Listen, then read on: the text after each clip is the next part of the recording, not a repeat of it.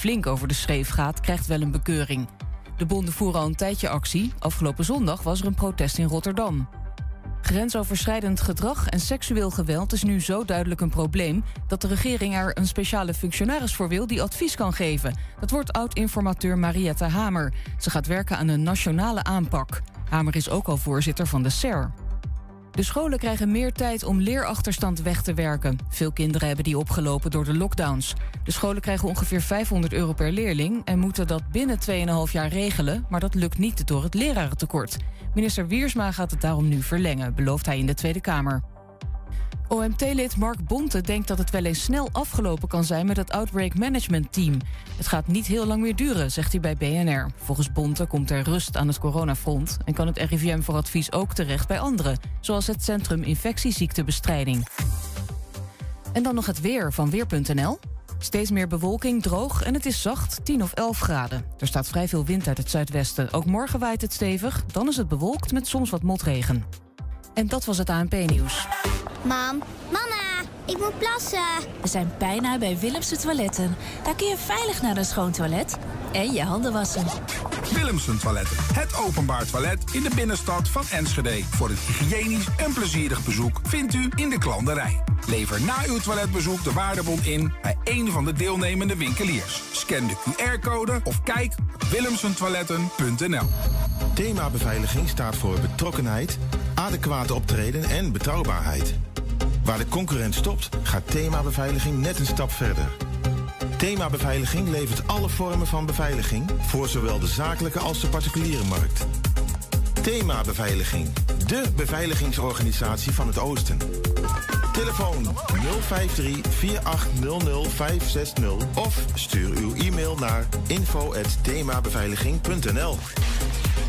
Waar kan ik een APK laten uitvoeren en meteen een onderhoudsbeurs van mijn auto laten doen? Ik ga altijd naar eh, de Gebroeders van der Mei uit Enschede.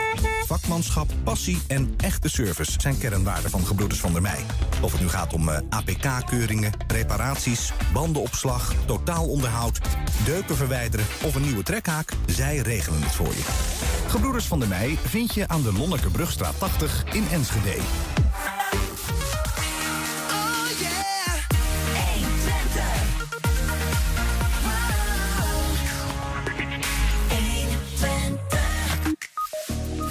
Gemeente Enschede wil schulden voor bijstandsgerechtigden kwijtschelden. Goed nieuws zou je zeggen, maar kan dat zomaar? Ja, oud-Hengelo Jan Verkade registreert alle geboortes, overlijdens en huwelijken in Hengelo... ja, door de hele eeuwen heen op één website. Wethouder Jeroen Diepemaat neemt vandaag plaats op de kruk in een nieuw vragenvuurtje. En we gaan de boeren op met onze enquête voor de gemeenteraadsverkiezingen. Ja, hé, hey, ik hoor gedonder in de grote studio volgens Ja? mij. Volgens mij ook. Hoor jij want, dat ook? Want er gebeurt ook wat eh, op de achtergrond. Ernst, zeg jij eens wat, wat gebeurt hier? Ik heb werkelijk geen flauw idee. Kijken we? Check het, ja. Ik heb... ik- Oh, hè? wat zien we hier voor de mensen die even aan het luisteren zijn? Wat is dit, joh? Ja, dat mag je vertellen aan de mensen die aan het luisteren zijn. Ik heb werkelijk geen flauw idee. Nou, dat gaan we uitzoeken. Komen we straks op terug. Het is dinsdag 8 februari en dit is 120 vandaag. 120. 120 vandaag. Was het een verkiezingsstunt of is het simpelweg de druppel die de emmer deed overlopen? En hoe moet het nu verder nu D66, PvdA en ChristenUnie het vertrouwen hebben opgezegd in coalitiepartner de VVD? Gisteren was in het Enschedese stadhuis een ingelast debat over de vertrouwensbreuk in die coalitie. Onze collega Wilco Lauwers was daarbij en zit weer aan tafel. Hoi Wilco. Ja, hi. Hey, hoe, de, de- de- jij was er gisteren bij, hoe ging dat? Ja, het was op, op zich eh, een goed debat. Hè? Dat, dat, dat hebben we ook wel eens gemist eh, in, de, in onze gemeenteraad. en, eh, ehm, maar er was, was een goed debat waar, waarin goed eh, werd gesproken met elkaar. Een- Echt een duidelingsdebat over de vertrouwensbreuk die... eh, ja, het was een aangevraagd debat door... De, wie, wie had hem aangevraagd eigenlijk in dit geval? Nou, dit waren de oppositiepartijen, hè? onder leiding van eh Iver Koch. Die wilden wel eens weten van wat, wat is er nou precies aan de hand hier? Precies. En Ja. dat vraagt natuurlijk om uitleg. Hè. Vorige Ja. week is, die, is het vertrouwen opgezegd Mhm. in, in de raad. In de VVD. In, in de VVD.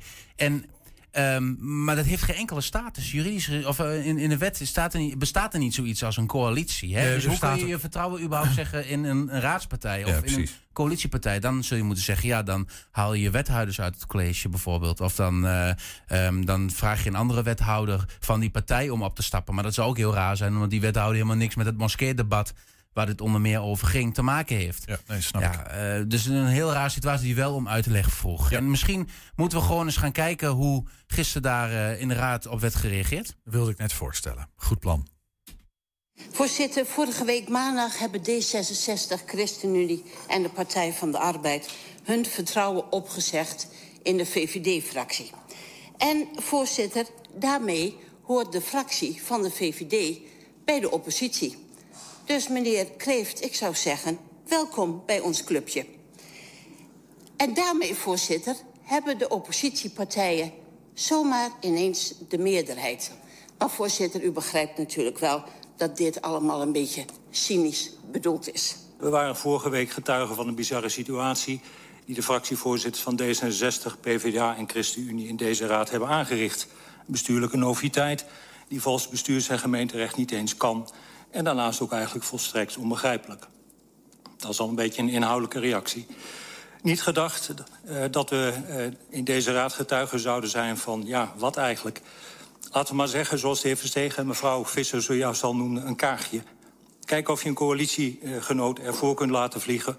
om daarna te menen dat we gewoon verder kunnen gaan alsof er niets is gebeurd. Hier is niet over nagedacht. Gewoon schandalig. Want wij zijn, net als de fracties van de partijen zelf... Uh, de VVD gewoon niet op de hoogte gesteld. Wij moesten het op dezelfde manier uh, te horen krijgen als jullie. Misschien een paar minuten eerder dan jullie. Ja, ik zie ook wel parallellen met Den Haag. Mevrouw Kaag die zegt, hier scheiden onze wegen, meneer Rutte. Vervolgens een paar weken daarna dansen op de tafel staan. Gewoon weer uh, minister is. het oude, de oude bubs die regeert gewoon weer verder. Daar zijn wij hier niet van. Wij zijn hier lokaal, we zijn hier Enschede. Wij doen niet mee aan die Den Haag spelletjes, heb ik hier opgeschreven. Toen ik van de Griffie naar de raadzaal of naar de burgerzaal liep... toen was er een, uh, een groot overleg in de Kamer 51. Waarom zijn de andere partijen... waarom is burgerbelangen daar niet bij uitgenodigd? Ja, die antwoord, dat antwoord wordt niet gegeven. En ik ben de, ondertussen toch wel heel erg naar benieuwd... Waar, waarom wij niet uitgenodigd zijn. Misschien uh, is het goed uh, om te bedenken waarom dat zo was... vanuit uh, vanuit uw kant. Misschien moet u die vraag ook voor uzelf beantwoorden. Reflecterend op hoe het uh, de afgelopen maanden is gegaan... zou dat een vraag kunnen zijn die u ook aan uzelf kan stellen. Hoe kan het dat ik niet zelf aanwezig uh, was bij dat gesprek? Voorzitter? Ja, mevrouw Kortjes Lazes en dan gaan we ook verder hoor. Mevrouw ja, ik, ik, hoor toch iets van mevrouw Hummels. Een soort vertrouwensvraag. U moet zichzelf de vraag stellen waarom jullie er niet bij bent. Dan, is het, dan gaat het hier om vertrouwen. Heeft u dan vertrouwen in BBE? Ja, om maar met het laatste moment te beginnen. Dat, kan, dat kan wel even binnen natuurlijk. Hè. Uh, Jara Hummels van de PvdA, die tegen Mark Tutteling burgerbelangen zegt van... ja, vraag jezelf maar af waarom je niet bij dat gesprek was... waarin werd besloten om het vertrouwen op te zeggen in ja. de VVD. Je zou natuurlijk verwachten dat die partijen met z'n allen om elkaar gaan bij elkaar gaan zitten. Maar in ieder geval met burgerbelangen als het dan alleen om VVD gaat. Maar ook die was niet bij dat gesprek in, die, in die schorsing na het moskeerdebat nee, uitgenodigd. dus, dus Iver Kortsch stelt de vraag: van, ja. wat betekent dat iets voor het vertrouwen in de BBE? Precies, precies. Ja. En natuurlijk best wel terecht als je dit hoort. Het, komt, het komt ook best wel hard over. En ja. uh, ik moet er wel bij zeggen, ik heb ook met Jara inmiddels gesproken en met Mark Turtelink even contact gehad. Het is na de vergadering van gisteravond waarin uh, dit dus uh, voorkwam. Hè, want Barry Offering, de voorzitter, kapt het hier daar ook, ook af. Is er met elkaar gesproken en is de, is de lucht wel een beetje geklaard. Um, Jara bedoelde het niet op deze manier zo te zeggen. Ze, ze was zelf ook wat overvallen, denk ik, door de vraag van Mark Turteling, waar waren we niet bij? Maar je merkt dus ook. Maar is er, er is ook terug, ja. want is, is er antwoord op die vraag? Ja, nee, want op zich is, is dat uh, niet zo'n gekke vraag. Het, het, het is meer de, de, heat of the moment, om het ja. zo maar te zeggen. Hè. Er komt geen, geen duidelijk antwoord op. Hè. Ik zou zo meteen ook op onze website een artikel uh, uh, schrijven, erop zetten. Waarin ook andere vragen aan de orde komen die niet beantwoord worden. Maar, maar dit is wel een van die vragen. Waarom is burgerbelangen uh, erbuiten gelaten. En het lijkt echt wel heat of the moment. Hè? En dat geven de, de fracties zelf ook aan. In ieder geval ChristenUnie en, en Jara deed dat ook. Dat het misschien wat, wat chiquer was geweest als ze ja, met een uurtje bij elkaar waren gaan zitten. Of eh, even met z'n allen eh, eh, toch dit, dit bespreken. Of vooraf eh, dit bespreken. Want ehm, de uitkomst had, ha- was er niet andersom geweest, zegt ze zelf. Nee. Nou, oké, helder. Hey, en, en eh, nou, vertrouwensbreuk met de VVD, komt dat nog goed? Nou, je ziet dus wel een duidelijk verschil eh, van, van inzicht. Hè? En eh, de grote vraag is hier... De Maar dat speelt vier jaar al, hè? De, de- de- die, die breuklijn in de coalitie loopt er al heel lang. Ja, precies, precies. Ik heb nu ook een gedwongen huwelijk genoemd. Het, gaat, het is meer van, ja, ze moesten vier jaar geleden wat met elkaar. En, ehm, en je wist van tevoren eigenlijk al dat op bepaalde onderwerpen, zoals duurzaamheid, hè, als het gaat om windmolens bijvoorbeeld, maar ook de moskee. En eh, zo zijn er eh, wat andere onderwerpen te bedenken. Dat eh, vluchtelingenopvang. Dat daar gewoon twee blokken in, in die coalitie zitten. Een linksblok, om het zo maar even te zeggen, of progressief, hoe je wil. En een rechtsblok of conservatief. En die denken heel verschillend. En als je daar niet hele duidelijke afspraken met elkaar over maakt, of die afspraken niet nakomt, dan is het eigenlijk gedoemd om te mislukken. En dat was het eigenlijk al eh, eh, twee jaar geleden, denk ik, na, de, na, het vluchtelingen, eh, na een vluchtelingendebat. Hè, een motie van eh Dennis Dummes om minderjarige vluchtelingen op te vangen. En dat stond eigenlijk op klappen, die hele coalitie. Maar toen kwam corona. En dus hebben ze eigenlijk gezegd: ja, ja de stad moet toch in, in deze situatie bestuurd worden. Dus we gaan maar gewoon verder. En, en misschien is dat wel de grootste fout. Dat zeggen sommige partijen, misschien had het dan ook wel moeten, moeten klappen destijds. Eh, maar ze zijn doorgegaan. En nou, dit is uiteindelijk een, een keer eh, wat eruit komt. Of ja, sommigen vinden het een verkiezingssteun natuurlijk. Want Kaag wordt hier aangehaald. Ja, precies. Er wordt naar Den Haag gewezen.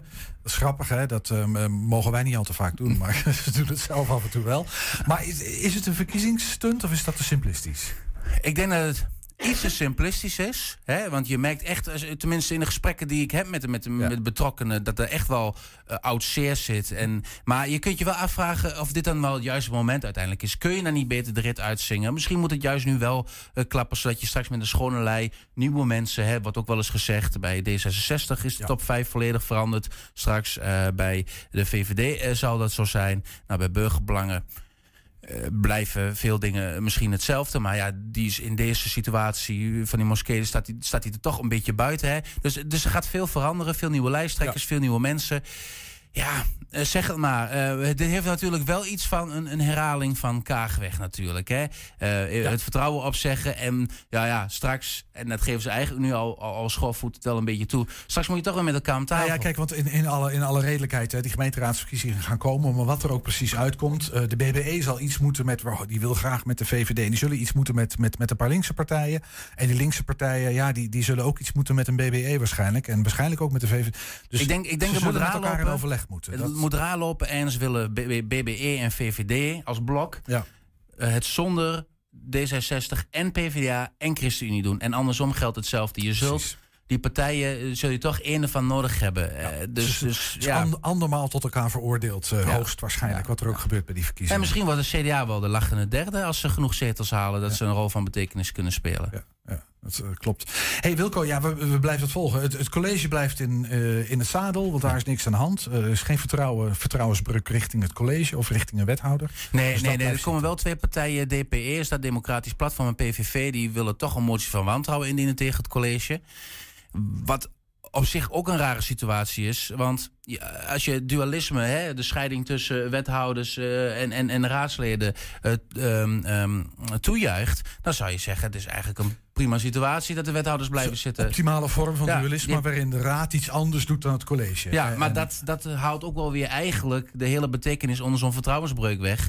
Want wat betekent dat dan nog? Eh, daar had je dus eigenlijk je wethouders moeten, moeten meenemen. Dus ehm, eh, uiteindelijk denk ik een storm in een glas water. En ze zullen na de verkiezingen en de voor de tijd denk ik ook heel wat kopjes koffie met elkaar gaan drinken om de lucht te klaren. dat wordt koffie drinken. Dankjewel Wilco voor de duiding even. Ja, zometeen oud-wethouder Jan Verkade registreert op de website henglias.nl. Alle geboortes, overlijdens en huwelijks uit Hengelo.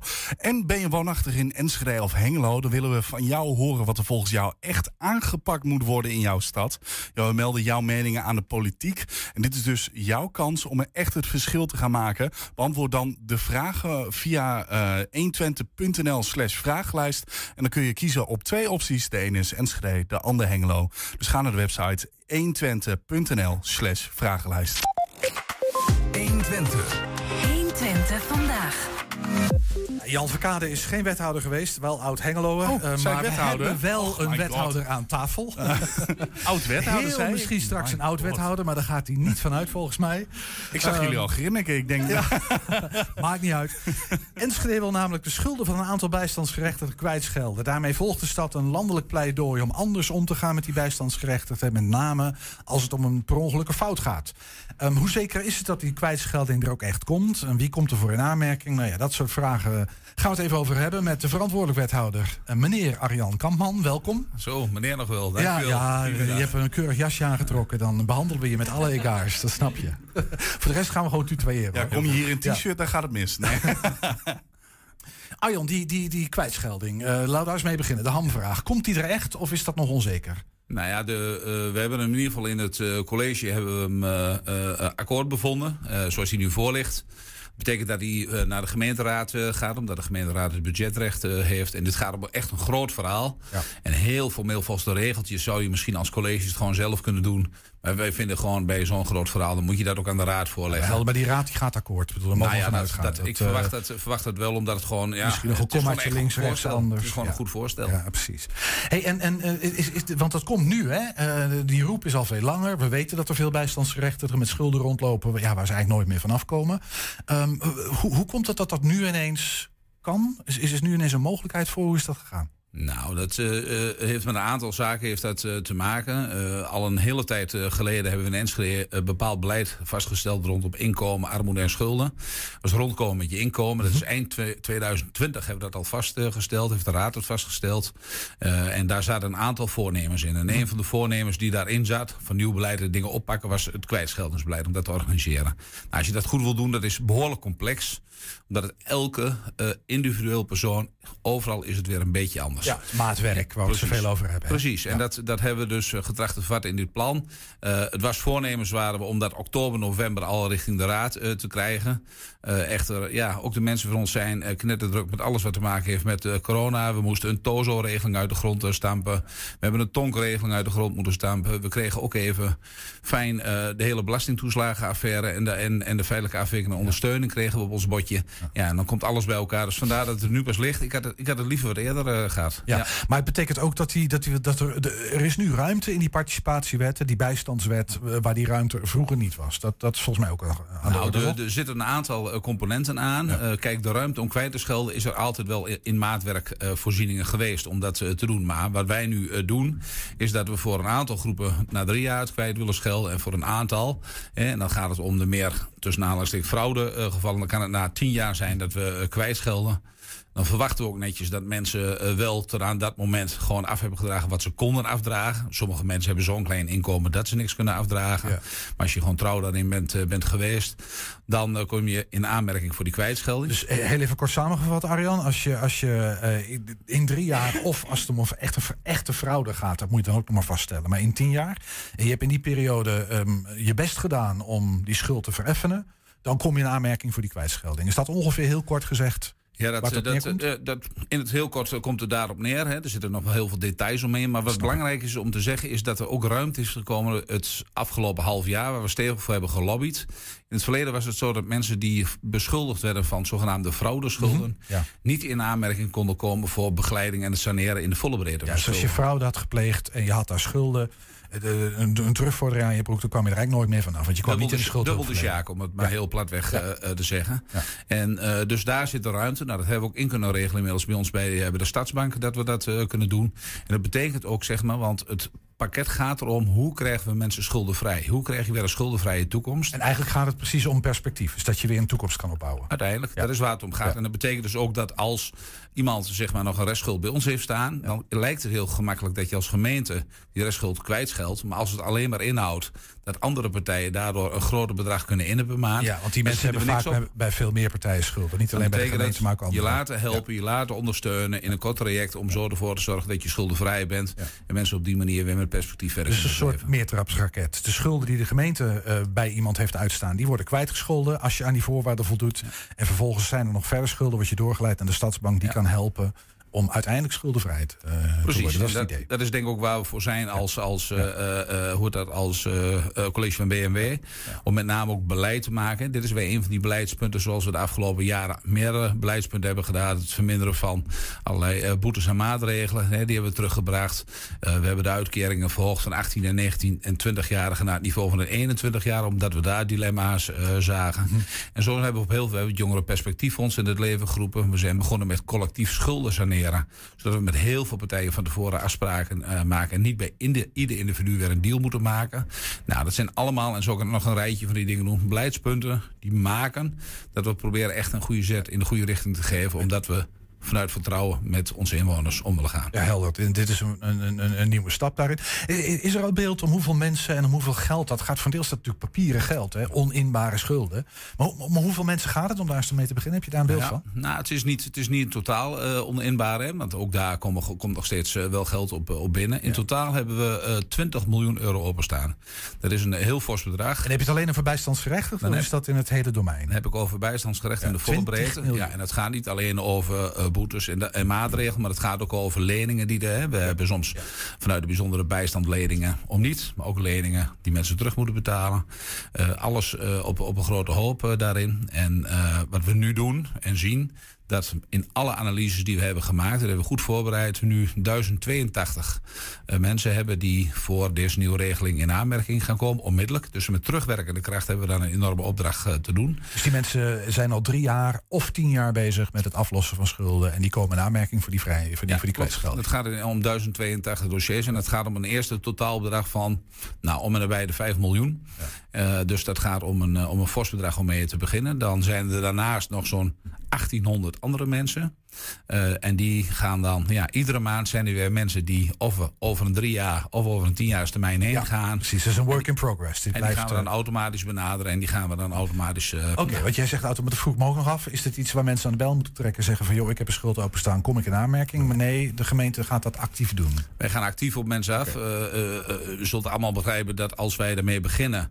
Dat we even wat aanloop, eh, eh, een aanloopperiode nodig hebben. Dat is ook een reden waarom we de uitvoeringscapaciteit gaan vergroten. Want als dit naast het reguliere werk moest gebeuren, dan is het gewoon niet te doen. We gaan Met andere mensen, je dus gaat mensen inhuren om deze klus te klaren. projectmatig gaan we het aanpakken. Ja, en dan, en dan, maar dan, ik, want ik hoor je zeggen, we hebben een aanloop nodig. Dus ik kan me voorstellen dat je een soort van volgorde moet gaan aanhouden. Dat je niet iedereen tegelijkertijd kan bedienen, maar dat je het stap voor stap doet. Ja. Wie komen er het eerst in aanmerking dan? De nou, dat is, dat is, eh, Is dat- eh, heel lastig om, dat, om te zeggen wie als eerste in aanmerking ik hoef komt. geen namenlijstje, maar, maar we waar gaan, kijk we je gaan naar? niet van A tot met dingen. We gaan gewoon kijken welke dossiers liggen de kanten klaar. Alles wat je gewoon heel snel af kunt wikkelen. Dus mensen die verder geen andere schulden open hebben staan. Klaar, afwikkelen heb je niets nodig. Daar waar je nog zowel schulden open hebt staan, dan moet je het gesprek aan gaan. Dan moet je kijken hoe kunnen we mensen verder bij de hand nemen. Om ook rondom die andere schuldenafspraken te maken. En kijken hoe we die ook kunnen saneren. Met, eh, met hulp van, van ons en eh, dan wel de Stadsbank. En eh, zodat er schuldenvrije toekomst ontstaat. Ja. Hey, nou is de, volgens mij de, eerste, de, de, eerstvol, de eerstvolgende en volgens mij ook de laatste raadsvergadering eh, is 7 maart, als ik het zo even uit mijn hoofd eh, zeg. Dan zal dit goedgekeurd worden, gaan we even vanuit. En dan betekent het onmiddellijk aan de slag? Is dat, is dat het scenario? Nou ja, we staan, we staan in de startblokken. Ja, precies. En, maar de raad moet formeel akkoord geven. de sta- de raad moet formeel akkoord geven. Ja, dus Dan, en dan zo snel mogelijk actie. Ja. Oké, ehm, tot slot vroeg nog even af. Want er zijn natuurlijk ook mensen die eh, buiten de boot gaan vallen. Wat voor reden dan ook. Ehm, ook die hebben schulden. Ehm, gaat daar nog iets voor gebeuren? Want, want ja, dat, dat zijn mensen die natuurlijk ook misschien door eigen schuld, deels door eigen schuld, wat dan ook, maar ook in de shit zitten. Nou, in de, in de volle breedte, dit gaat heel erg over eh, schulden die te maken hebben met de participatiewet. Hè, schulden bij, eh, bij de eh, gemeente. Eh, eh, daar waar mensen überhaupt schulden hebben en ze hebben problemen, trek alsjeblieft aan de bel. Ja, dat is Kijk op de site van eh, de gemeente Enschede. Als je door schulden intypt, dan ga je zien dat daar allerlei adressen zijn waar je terecht kunt. Meld je bij een wijkwijzer. Hè. Er zijn ook plekken waar je gewoon terecht komt om gewoon het, het gesprek aan te gaan. Ook daar word je ondersteund. We hebben meerdere plekken waar het kan. Mensen hoeven heus niet te denken dat wij volledig de financiën onmiddellijk hoeven over te nemen. We hebben bijvoorbeeld bij de Stadsbank heel eh, lichtjes ingeregeld. Ook voor mensen die bijvoorbeeld zeggen... ik heb 1200 euro schuld. Eh, ik heb echt een probleem. Help me daar alsjeblieft bij. Dan kunnen we dat heel simpel en eenvoudig doen. Met, met eh, echt in een paar maanden tijd kunnen we ervoor zorgen... dat mensen daar goed in ondersteund worden en geholpen worden. En laat het alsjeblieft niet oplopen. Want dat hebben we periodes lang gezien. Als mensen uiteindelijk bijvoorbeeld bij een staatsbank kwamen... vaak te laat. Dan was het vaak al- al 48.000 euro gemiddeld wat we zagen. En dat, ja, dat, Dat, dat zijn bedragen moeten we niet willen. En, uh, komen jij en ik, ook daar komen jij en ik al niet uit. Nee, nee precies. En we proberen oprecht uh, echt een, een, een, verandering. En gelukkig is uh, ook binnen het Rijk zie je nu een kentering op dat gebied. Ik denk dat het niet voor niets is dat ze ook een minister hebben aangesteld op het gebied van armoede en schulden, heel specifiek. Want het is echt een groot maatschappelijk dilemma. Nou, dat klopt. Met die energierekeningen, we weten er alles van. hey, um, Arjan, um, ik had nog een slotvraag. Ik weet niet of ik hem nog uh, steeds weet, maar volgens mij niet. Um, ja, toch wel. Uh, als mensen nu luisteren en zeggen van... joh, ik, ik, ik, ik, ik zit bijstand en ik heb een schuld en ik heb vragen. Uh, en nog even heel kort. Waar, waar kunnen ze dan het beste terecht? Nou, mensen die, uh, of heel veel mensen hebben een vast contactpersoon waar ze gewoon de vraag kunnen stellen. Anders kunnen ze terecht bij ons klantcontactcentrum. Kijk gewoon op de site van de gemeente Enschede. Uh, die zijn op de hoogte. Maar mijn oproep voor nu zou willen zijn... wacht even tot de gemeenteraad het akkoord heeft ja. uh, gegeven. Ja. Want dan weten we zeker dat we kunnen beginnen met de uitvoering. En mensen mogen er oprecht van uitgaan... dat wij ook contact met hun opnemen... om uh, aan te geven dat ze ervoor in aanmerking komen... en ook afspraken binnen welke termijn dat dan zal gebeuren. Prima. Dus wij nemen het initiatief. Ja, heel goed. De gemeente neemt initiatief. Mocht je vragen hebben, wacht even tot na maart... En dan neem contact op. Arjan Kamman, dankjewel voor deze uitleg. Ja, wel graag gedaan. Strakjes de genealogie van Hengelo. De wat? Genealogie. Dat is de registratie van uh, familiestambomen. Wie kwam uit wie voort, huwelijke geboortes, overlijdens door de jaren heen. Dat, uh, dat werkt. Zometeen. 120. 120 vandaag. Ja, wie zijn de gezichten van de partijen waar we in Enschede en Hengelo op kunnen stemmen in maart? En wat vinden zij? In Ik teken voor 80 storten we een vuur van vragen uit over de lijsttrekkers van beide steden. En vandaag onderwerpen we aan het vraagvuur voorman van de VVD in Enschede, Jeroen Diepemaat.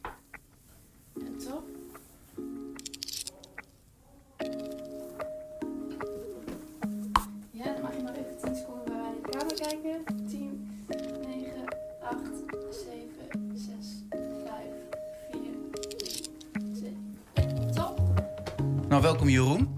Dankjewel. Uh, je zit hier als lijsttrekker van de VVD. Ja, en, uh, je hebt er nog een hobby bij als wethouder uh, volgens mij, dus... Die vult de tijd vrij goed, dat klopt, ja. We gaan drie minuten vragen stellen. Het is ja of nee, of een twee-keuzevraag. je mag één keer passen. Ja. En daar komen we na de tijd komen we daar dan nog even op terug. Ben jij er klaar voor? Ik ben er helemaal klaar voor, ja. De afgelopen vier jaar waren succesvol voor de VVD in Enschede. Ja. We willen ook nog wel vier jaar door met dezezelfde coalitie. Ja. Achteraf gezien hadden we wel liever met het CDA in de coalitie gezeten. Uh, nee. Het niveau van debatteren in de gemeenteraad is te laag. Ja. Alle raadsleden stellen het belang van Enschede en de Enschedeërs voorop. Ja, dat denk ik wel. Ik kan met alle raadsleden goed door één deur. Ja. Je moet samenwerken met een partij. Hè? Je moet dan kiezen tussen twee partijen. Ja. Wordt het dan SP of wordt het Enschede anders? Uh, SP. Opvallend. Ja. Want SP en VVD is toch, volgens mij dacht ik, nou, die, uh, dat kan niet samen bijna. Nou, ik, uh, weet je, ik denk dat je uiteindelijk met iedereen samen kunt werken... als je bereid bent om af en toe een beetje water bij de wijn te doen. Uh, en van de SP weet ik in ieder geval in de kern wel ongeveer waar ze voor staan. En dat vind ik bij Enschede anders soms lastiger in te schatten. Als ik heel eerlijk ben. Maar ik moest, moest iets kiezen, dus dat probeer ik te doen. Je mag nog een keer kiezen, ja. PVV of uh, Forum voor Democratie? pas. Mijn partij haalt meer dan vijf zetels bij de verkiezingen. Ja. En ik ga ook nog vier jaar door als wethouder. Ja. Het is belangrijk dat Enschede zo snel mogelijk groeit naar 170.000 inwoners. ja. De komst van nieuwe hoogopgeleide inwoners uit de Randstad is goed voor de stad.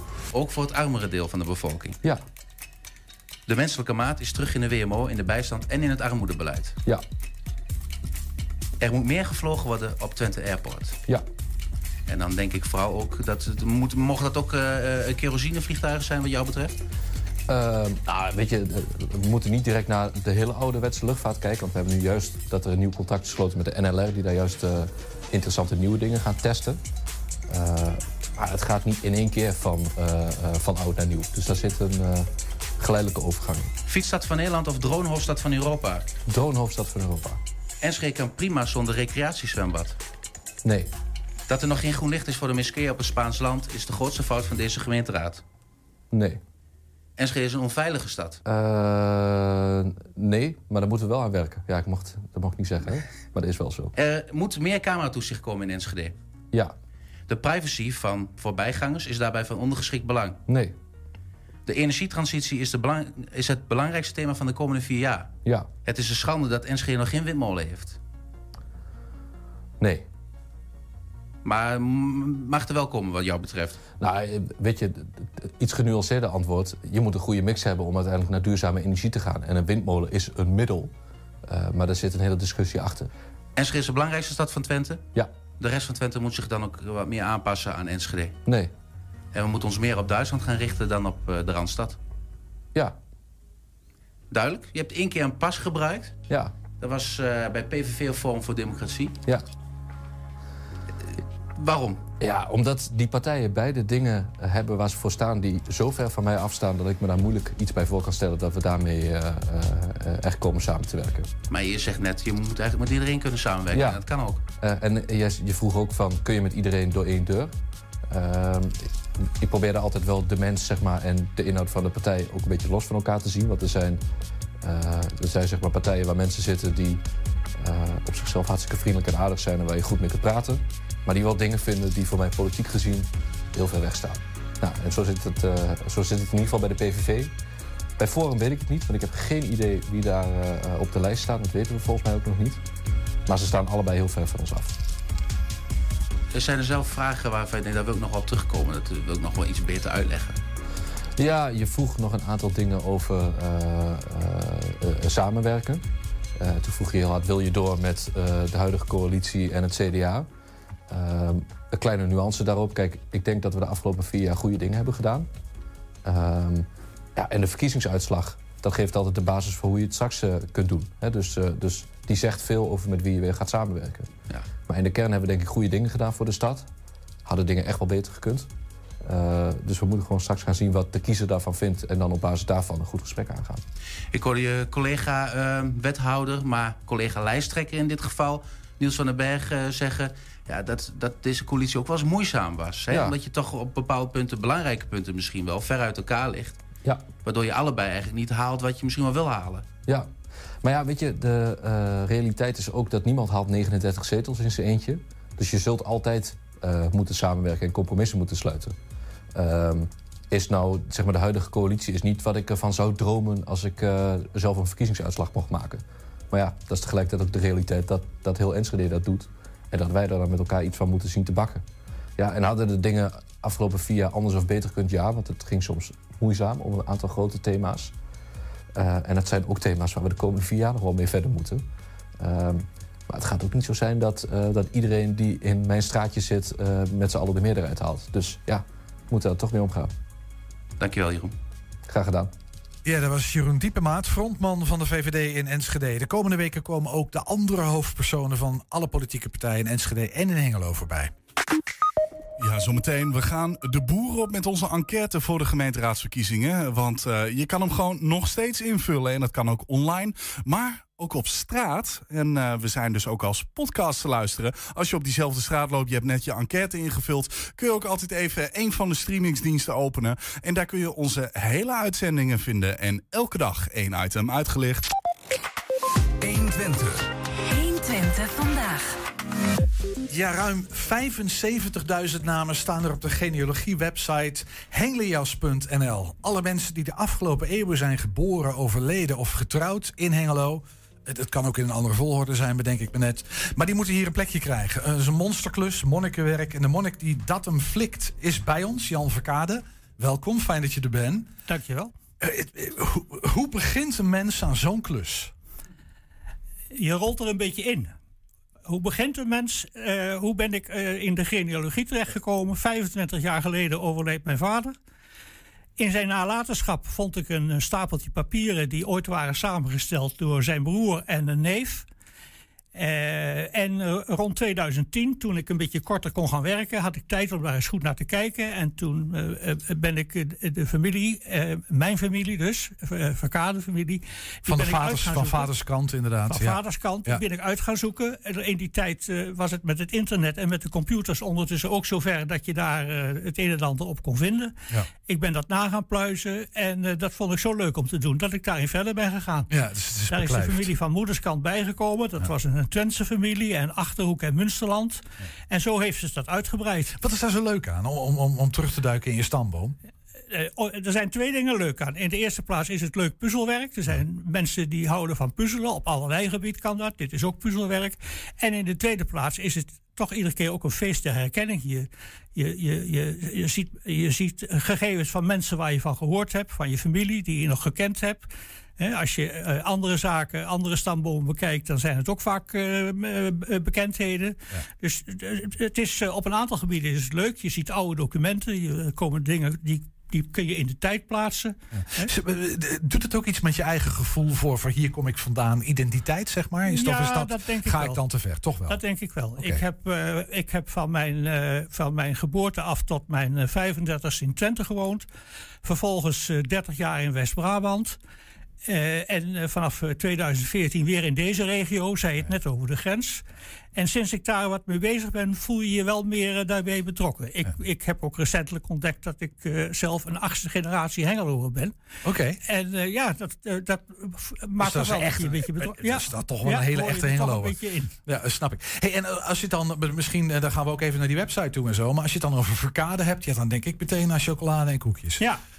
Ben je dat tegengekomen in je familie stamboom of niet? Nou, ieder, bij die naam denkt iedereen eraan. Ja. Eh, eh, en eh, merkwaardigerwijs weet ik eh, eh, 100% zeker dat ik daar geen familie van ben. Oh, dat is jammer.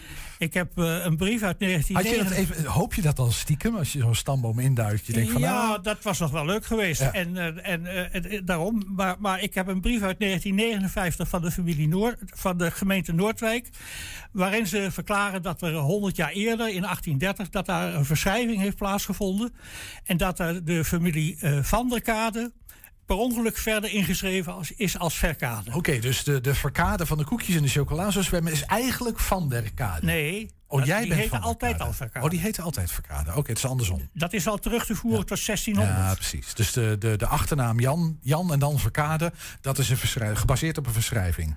Dat is gebaseerd op een verschrijving. En, eh, en laat ik zeggen, de Noordwijkse verkaders, als ik het dan maar zo noem, en alles wat daarvan afstamt, die zijn zeker geen familie van de koekjes.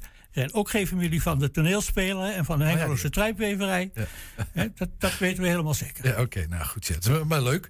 Hey, en, en, maar nu heb je die, die, die Hengeloze website, henglias.nl. Wat, wat is Henglias? Wat is dat voor een ding? Hengelias is een, eh, een, een, samentrekking, een, samentrekking van twee woorden, Hengelo Ja, dat en lias. En lias is een woord en dat betekent eh, een, eh, een stapel papieren die met touw bij elkaar gebonden is. Dat is een, een oude manier van archiveren. En ik neem aan dat eh, Wim den Oudste dat, dat, eh, dat hij dat een leuke samentrekking eh, vond. Ik kan het niet Ja, je, vragen. maakt, want je maakt het bruggetje al, want, want deze website is niet door jou opgericht, maar die bestond al.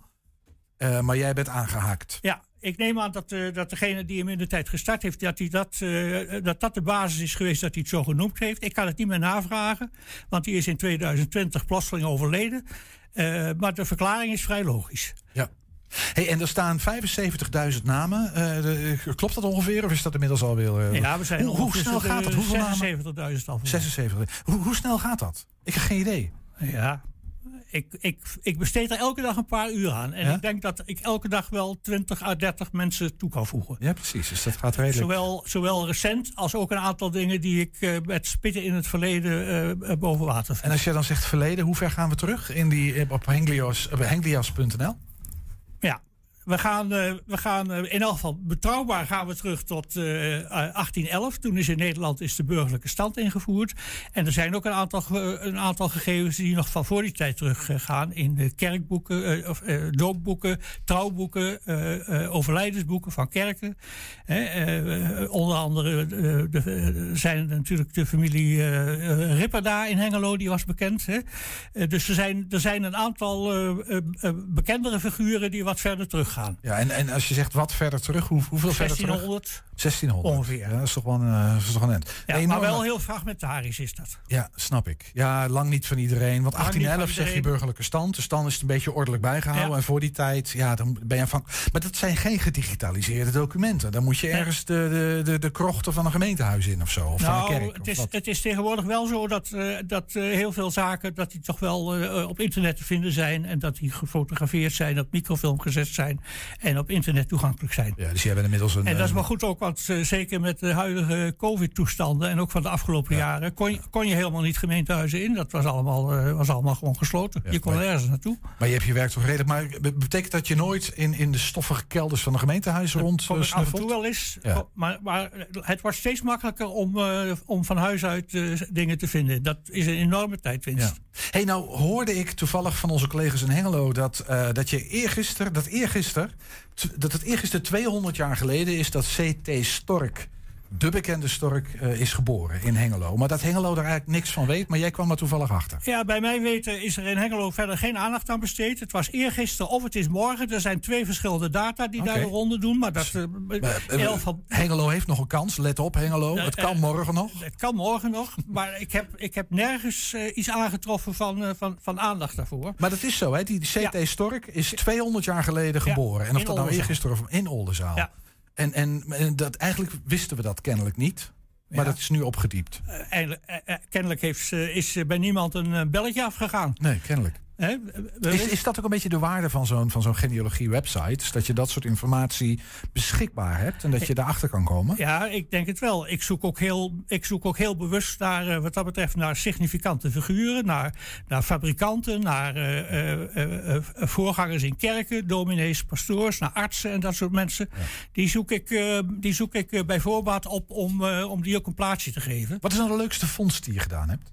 Ja, dat is een moeilijke vraag. Ja, snap ik. Ik stel altijd moeilijke vragen. Eh, nou, eh, kijk, een, een, een, een leuke vondst is bijvoorbeeld dat ik op een gegeven moment eh, dat ik iemand vind waarvan ik denk verdraaid. Dat was het hoofd van de lagere school waar ik op heb gezeten. Hè? Dat, zijn, dat, zijn, dat zijn leuke vondsten. Dan, dan wordt het heel persoonlijk.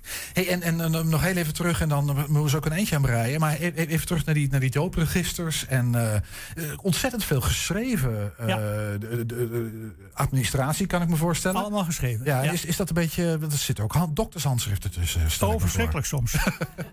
verschrikkelijk. Maar, maar da- daar eh, heb je ofwel, als je ter plekke eh naar gaat kijken, heb je een loop nodig. En als je het online doet, kun je het uitvergroten.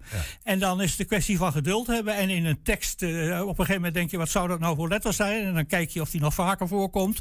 En dan zie je hem op een gegeven moment in een herkenbaar woord, zie je ook zo'n letter. En dan denk je, ja, dat moet dan toch een R zijn. Of Een dat moet een E zijn. Of ja. dat? Ja. En, en zo eh, eh, woordje voor woordje kun je het dan vormen. Maar wie, wie legde dat vast? Zo'n doopregister, dat wordt in die kerk vastgelegd. Dat deed de pastoor. Ja, oh, dat deed de pastoor. Dat deed de en, pastoor. En, en, en de, de gewone burgerlijke stand, kindje aangeven, gemeentehuis, hoe ging dat? Eh, de burgerlijke stand, dat was eh, in elk geval eh, de eerste honderd jaar in Hengelo, was het zo dat werd door de burgemeester Dat bijgehouden. meen je niet. Het was een klein eh, gemeentehuisje natuurlijk. Op, de burgemeester, op het gemeentehuis daar zat de burgemeester en vaak een volontair. Iemand die een klein beetje hand- en spandiensten verrichtte. En je ziet dan ook dat eh, eh, eh, in het begin van de 19e eeuw, tot ver in de 19e eeuw, dat alle actes dat die door de burgemeester handgeschreven en ondertekend zijn. Wat een baan was dat toen, Ja. zeg? Hè, Een, bekende burgemeester in Hengelo was burgemeester Dijk. Die is eh, nog uit de Napoleontische tijd benoemd en nog een tijdje daar, daarna ook. Ja. En- uit, onder alle actes uit eh, de periode 1811 tot 1830, daar staat J. Dijk staat onder. Ongelooflijk. Jan Dijk. En, eh, eh, wat, is nou qua handschrift de meest beruchte bur- burgemeester die jij bent tegengekomen? Nou, Jan Dijk was niet zo'n hele eh, goeie. Hè? Je had ook, eh, later had je burgemeester Sloets. Daar is de Sloets zeg nog naar genoemd. Ah, ja. Dat was eh, eh, baron van Sloets tot nog iets. Dat weet ik zo even niet meer. Maar eh, eh, die schreef een beetje beter. En eh, daarna waren het ambtenaren. En die legden zich er toch wel een beetje op toe, denk ik, om wat leesbaarder te Met zijn. sierlijke krulletters. eh. Jan, tot slot. eh, ja, eh, je bent, eh, dus het is nog lang niet zo ver, maar het is ook een soort van confrontatie met je eigen sterfelijkheid, die genealogie, toch? Eh laten we er geen doekjes om winden. Nee.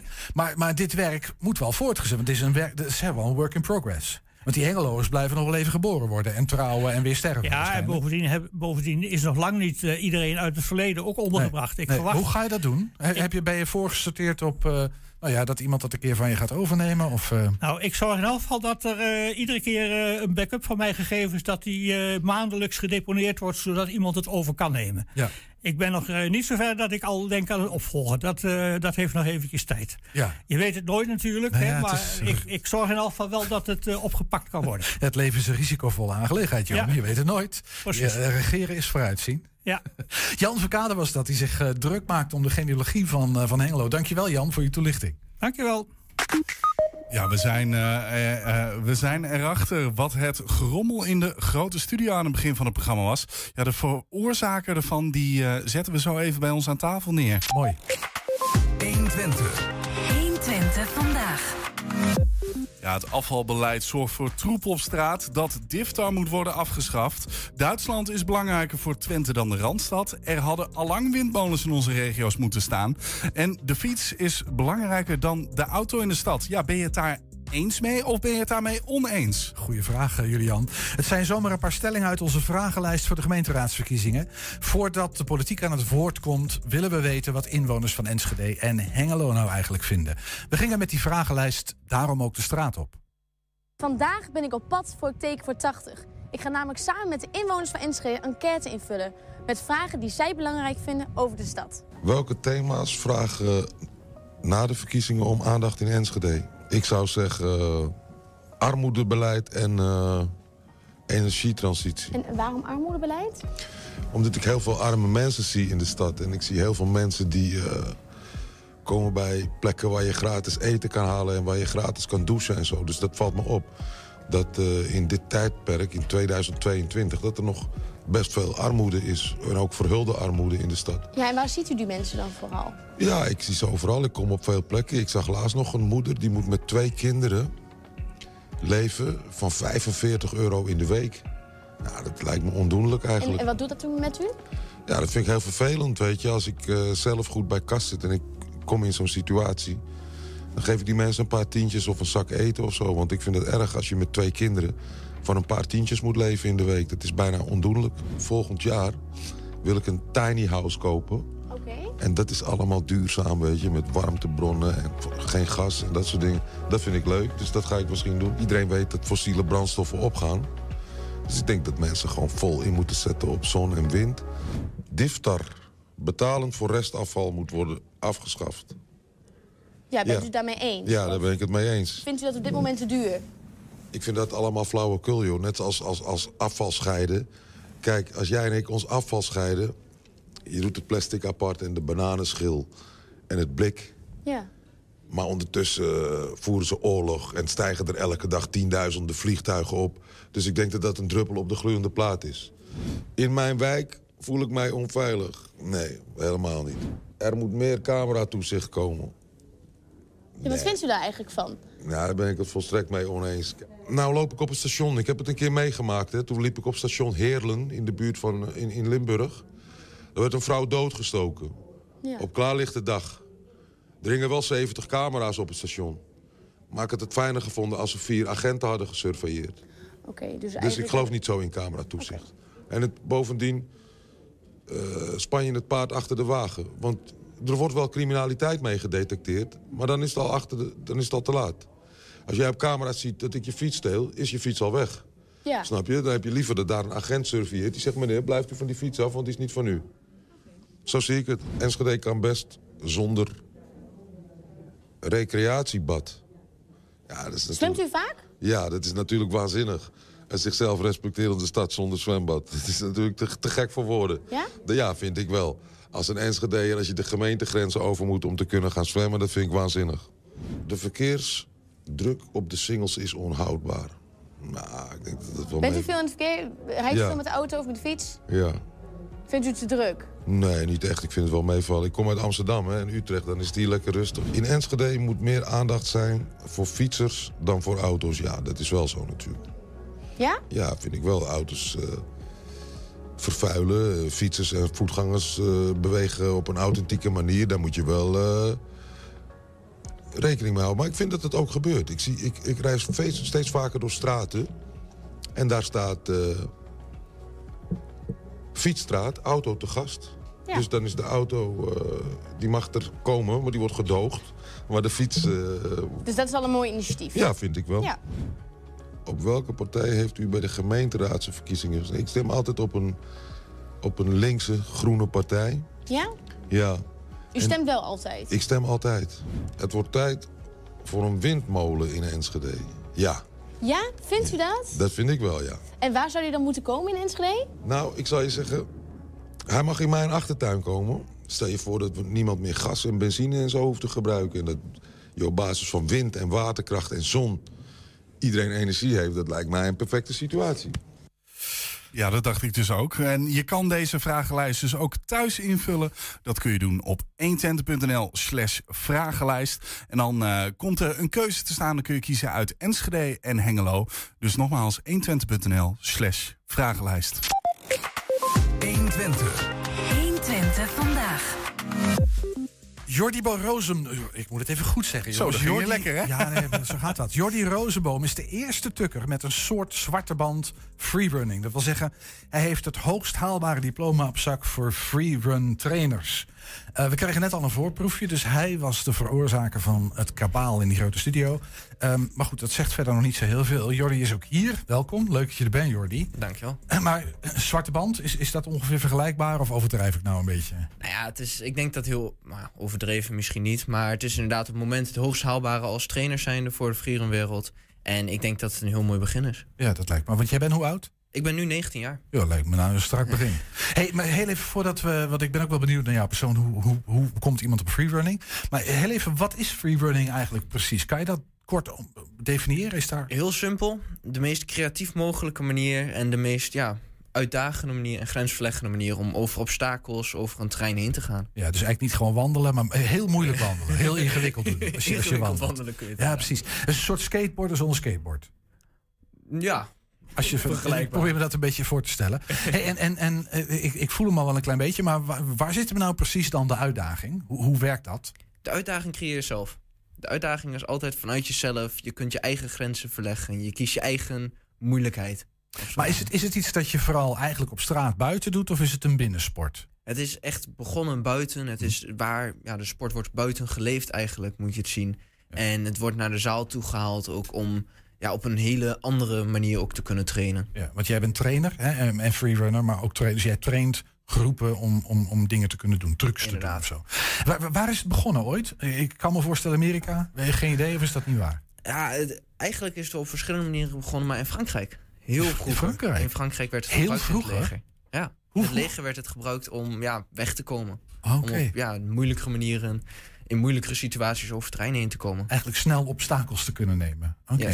Want je, wat jij zegt nu Frankrijk, maar eh, momenteel in Frankrijk springen ze dus ook, eh, zijn het van die mensen die dan bovenop gebouwen staan. Doe jij dat ook wel eens? Dat je er bijvoorbeeld op een, op een monument, hier bijvoorbeeld op de Alfa-toren, eventjes eh, een trucje doet op, eh, net met zo'n puntje dat je bijna er vanaf valt? Nee, ik pas daarentegen wel heel goed op met wat ik doe en waar ik het doe. Dat zijn ook weer mensen die natuurlijk daar ook heel lang voor hebben getraind. Maar inderdaad, in Frankrijk gebeurt er nu heel veel op het moment. Maar wat, wat, wat, is, wat, is nou, wat, wat is nou een absolute topprestatie? Want ik kan me voorstellen dat jij op YouTube freerun video's kijkt... en dat je dan iets tegenkomt en denkt van vet, dit is echt gaaf. Oeh, ehm, in Frankrijk, Parijs, is op het moment ehm, een van de, de grootste sprongen die nu helemaal ja, kapot gemaakt wordt met allerlei moeilijke tricks. eh, wordt manpower genoemd. Wat is dat? Het is een sprong vanuit eigenlijk een trap, kleine aanloop, echt vrij hoog naar een dak wat, nou, ik denk een drop is van ruim 7, 8 meter. De- dus je, vanaf een trap, een drop van 6, 8 meter. Een drop is naar beneden vallen. De zwaartekracht zijn werk laten doen. en, en, en, dan, en dan doe je iets ingewikkelds. Een salto. Misschien gaan we heel even naar een klein videootje kijken. Dus het is maar heel kort, maar dan hebben we een beetje een impressie van, eh, van jou in ieder geval in dit geval.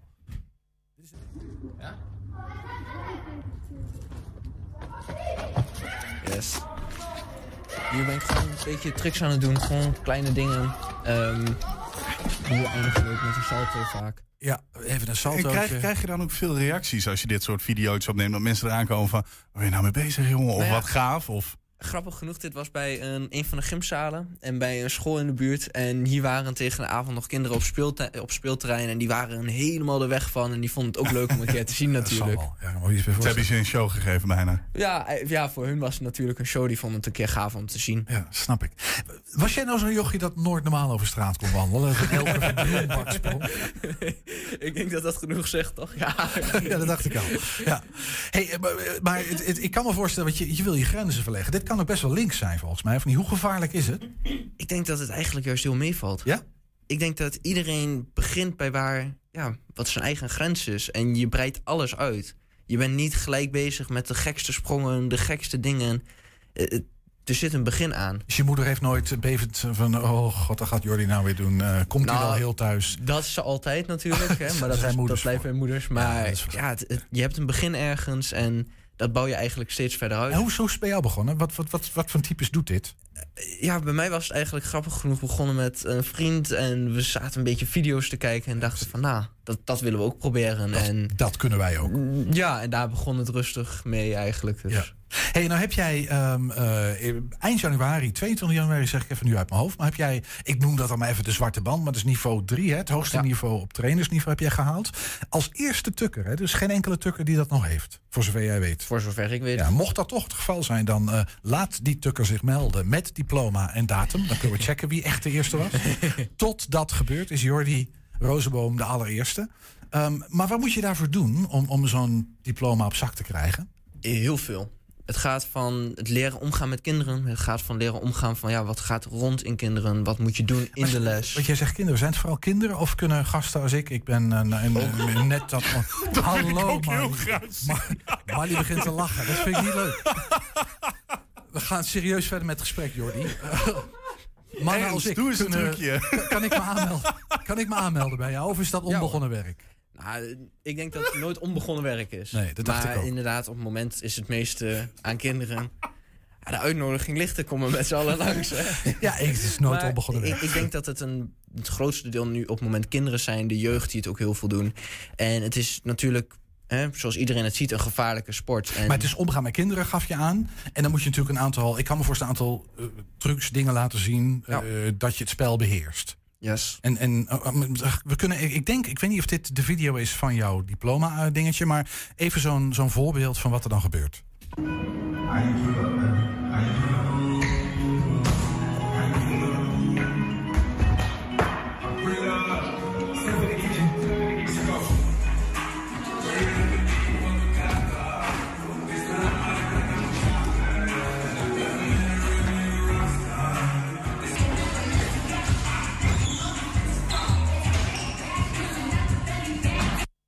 Ja, dit, dit, dit eh, fysiek behoorlijk inspannend, kan ik me voorstellen. Dit hou je geen half uur vol.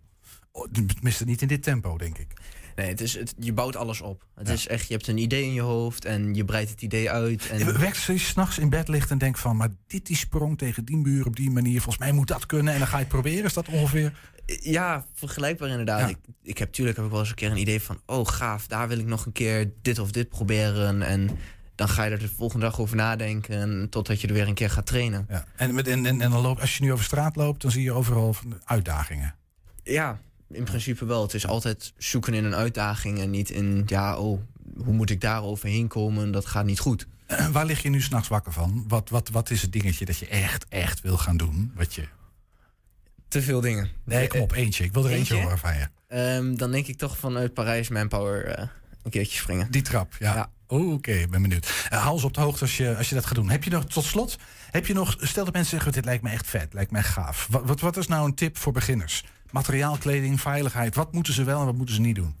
Ga, ga niet nadoen wat er in alle video's gelijk gebeurt. dat- doe, dat, eh, doe, doe don't wat je do this zelf, at home. Doe wat je zelf kan. Ga met vrienden het doen en ga het op een veilige plek en veilige manier doen. En, en nog bepaalde schoenen kopen, eh kniebeschermers, helm op. eh, nou, helm op. Gaat ver, maar ik denk dat in principe alles, eh, goed kan. Ja. Nou, ik ga zwaar overwegen om, eh, om me te melden, Marley uh, Vilens. Ik zeg het maar even tegen je.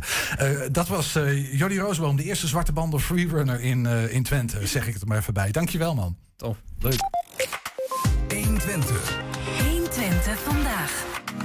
Ja, en dan eh, is het alweer tijd voor het laatste item van vandaag. En daar is ze. Een feestje met de krullen in de war. Eh, mensen met krullen zijn leuk, wist je dat? Het zijn hele aardige mensen over het algemeen. Wist jij dat Ja. als ik heel lang haar, dat het ook begint te krullen? Dus Ja, dat- dankjewel. oh. Nou, ik, ik, ik ben heel benieuwd. Ik eh, daag je uit. nee, dank je. Laat het groeien. Kom op. eh, Nee, nee, nee, nee, nee. ik, wil zo eens met, ik wil jou eens met krullen zien. Je kunt ook gewoon krulspelden in doen. Dan hebben we in ieder geval een beeld. Goed, Regine, want Regine is nog aan Regine, neem het alsjeblieft over. Dit, dit Ja, kan ik zit niet. altijd met die stoel, die is eigenlijk net niet goed qua hoogte. Maar ik ben Eh, eh, eh, Jij bent net niet goed qua lengte waarschijnlijk. Ja, dat ja, is- het de stoel of is het Regine? Precies. Het zou Regine wel zijn. het zal wel Regine weer zijn. Regine, ga je gang. Take it away. Oké. Ja. De keerzijde van de medaille. Winnen. Wie wil dat niet? Vijf Olympische Spelen achter elkaar gouden plakken winnen. Hulde en petje af. En wie zou dan niet even in de klapschaats van onze held Irene willen staan? Nou, ik wel hoor. En, en dat dan miljoenen mensen in de wereld, gemondkapt of niet, aan mobiel of buis gekluisterd meemaken dat jij, toch al wat ouder, op het juiste moment piekend, een meewerkend schildklierhormoon gebruikend of niet, weer de snelste, de beste en de sterkste bent. Zo heroïs winnen, dat willen we toch allemaal. Oh, en we doen alles voor die goddelijke dopamine-roes. Waardoor je ineens als Zeus zelf verheven bovenop die berg Olympus staat. Toegetwitterd, toegejuicht door volk en vaderland. En alle BN'ers die ineens je vrienden zijn, dus nooit meer eenzaam. Terwijl het Wilhelmus klinkt en je leven aan je voorbij schiet. En het hele land je tranen ziet van geluk. En ook van verdriet. Om dierbaren die er niet meer bij kunnen zijn. Zo winnen. Op de hoogste treden staan, op de toppen van je kunnen, terwijl het zonlicht weer spiegelt op de gouden krans van Bing Dwen Dwen. Dat is die onooglijke commerciële panda-mascotte van deze spelen. Waar zeker weten een Huawei afluisterchip is ingebouwd, maar dat terzijde. Zo winnen Irene. Wauw. En ik zeg Irene, want Irene, nu ben je van ons allemaal. Wij maken de Olympische droom waar met jou als boegbeeld, als groot voorbeeld voor onze natie. En jij laat ons zien dat je het met een getraind lijf en een weerbare geest en met een bultdiscipline en doorzettingsvermogen en met een zak geld en een teamdeskundigheid, maar wel zonder sociaal leven, heel ver kan schoppen. Namens BV Nederland bedankt Irene, want jij geeft glans aan ons leven. Zo winnen. Dan weet je wust en waarachtig dat je wereldwijd geschiedenis schrijft. En dat je in je vaderland natuurlijk sportvrouw van het jaar 2022 zal worden. En het eerstkomend halfjaar in alle talkshows zal verdwijnen. En dat je voor je volgende commercial of BN-plek bij welke quiz of wie is de molachtige huntingcompetitie dan ook. heel, heel veel geld mag vragen. Financieel is je bedje dus op welk gesponsord matras ook gespreid. En wust en zeker weet je dat je na deze spelen bij leven een legende bent. Die dit hoogtepunt nu kan uitbuiten, maar waarschijnlijk nooit meer zal evenaren. Want Irene, voorwaar, ik vrouw van middelbare leeftijd zeg je, ooit zal de Sven Kramer aftakeling ook jou treffen. En als het winnen stopt, Irene, hoe houd je dan in Zeus naam dit bewust geluk vast? Hoe kan jij teren op het gevoel van onoverwinnelijkheid als je stramme lijf straks alleen nog maar rondjes boven de 32 rijdt en de jeugd aan je voorbij glijdt? Stop je dan, Irene? Of neem je dan net als je 49-jarige schaatscollega Claudia Pechstein genoegen met de aloude Olympische gedachte dat de Spelen en de wereld alleen mooier en harmonieuzer worden als meedoen belangrijker is dan winnen. En dat respect voor elke tegenstander, sterk of zwak, oud of jong, jong het hoogste doel is. Tja, dat zijn nobele gedachten van die Grieken, die vrouwen trouwens vrij respect- respectloos overal buitensloten, maar dat terzijde. De Olympische gedachten zijn mooi. Respect voor elkaar en meedoen is belangrijker dan winnen. Maar toch wil niemand verliezen. Jij ook niet, Irene. Ik ook niet. Verliezen. Ja, verliezers zijn toch zwakke zielenpoten, hinkenbenen, zwabberaars die onder druk bezwijgen, bezwijken, vallend falen op hun bek gaan en daarna eenzaam in een put verdwijnen. En welk bataljon aan sponsoren, reddingwerkers en pers staat dan klaar om deze diep gezonkenen met een nog kloppend hart naar boven te takelen, te reanimeren, moed in te schreeuwen dat het de volgende keer vast wel zal gaan lukken? Daar moet je gewoon niet aan denken. Daar moet je niet aan denken, want winnen willen wij, Irene. Ik wil winnen, net als jij. En we doen alles om te winnen. Om ons ego-doel doel te bereiken en een vaderlands dopamine geluksmoment te creëren. Daar doen we alles voor. En dat begint al met de opening van de Spelen. Nationaal kwijlend dromen we weg in een Walt Disney-achtig omgetoverd stadion... waar we in een bubbel van kunst, sneeuw en laserlicht... toegezongen door, door glimlachend gedrilde enge engelkoren... in Bing Dwen Dwen pandapakken ons team NL, onze helden, vriendelijk met hun vlaggen zien zwaaien naar de almachtige, onoverwinnelijke hoofdsponsor sponsor van dit toernooi, Xi Jinping en zijn maatje Poetin. En dan vergeten en vergeven we wereldwijd maar even dat deze machtige communistische vriendjes alleen non-Olympisch winnen door elke tegenstander zonder weerwoord, zonder enig respect direct in een put te gooien met de deksel erop. Zonder reddingswerkers, zonder één kans om überhaupt ergens aan mee te doen, laat staan te winnen. Dat is de keerzijde van de medaille. Maar daar moeten we gewoon niet aan denken. Hè, iedereen, daar moeten we niet aan denken. Nee, winnen willen wij, winnen. En ik kijk, ik kijk straks weer, ik kijk morgen weer, ik, ik kijk om zeven uur weer. Heerlijk, want we kunnen nog zoveel winnen. Weet je, en ik verheug me nu ook al ontzettend op het WK in Qatar. In november. Ja, en dat werkt niet met de Olympische gedachten. Dus dat maakt het werk, uh, wegkijken gewoon wat uh, draaglijker. Ja. De column van Regine. En daarmee sluiten wij ook 120 vandaag af. Terugkijken, dat kan direct op 120.nl. En vanavond om 8 en 10 uur ook op televisie te zien. Zometeen kun je hier gaan genieten op de radio van Henk Ketting... met zijn gloednieuwe kettingreactie. Veel plezier en tot morgen. 120. Weet wat er speelt in Twente. Met nu het nieuws van 4 uur. Goedemiddag, ik ben René Postma. De politie gaat actie voeren en daarom schrijven agenten vanaf morgen geen boetes meer uit voor kleine overtredingen. De politiebonden hebben hun leden daartoe opgeroepen. Wie flink over de schreef gaat, krijgt wel een bekeuring. De bonden voeren al een tijdje actie. Afgelopen zondag was er een protest in Rotterdam. Grensoverschrijdend gedrag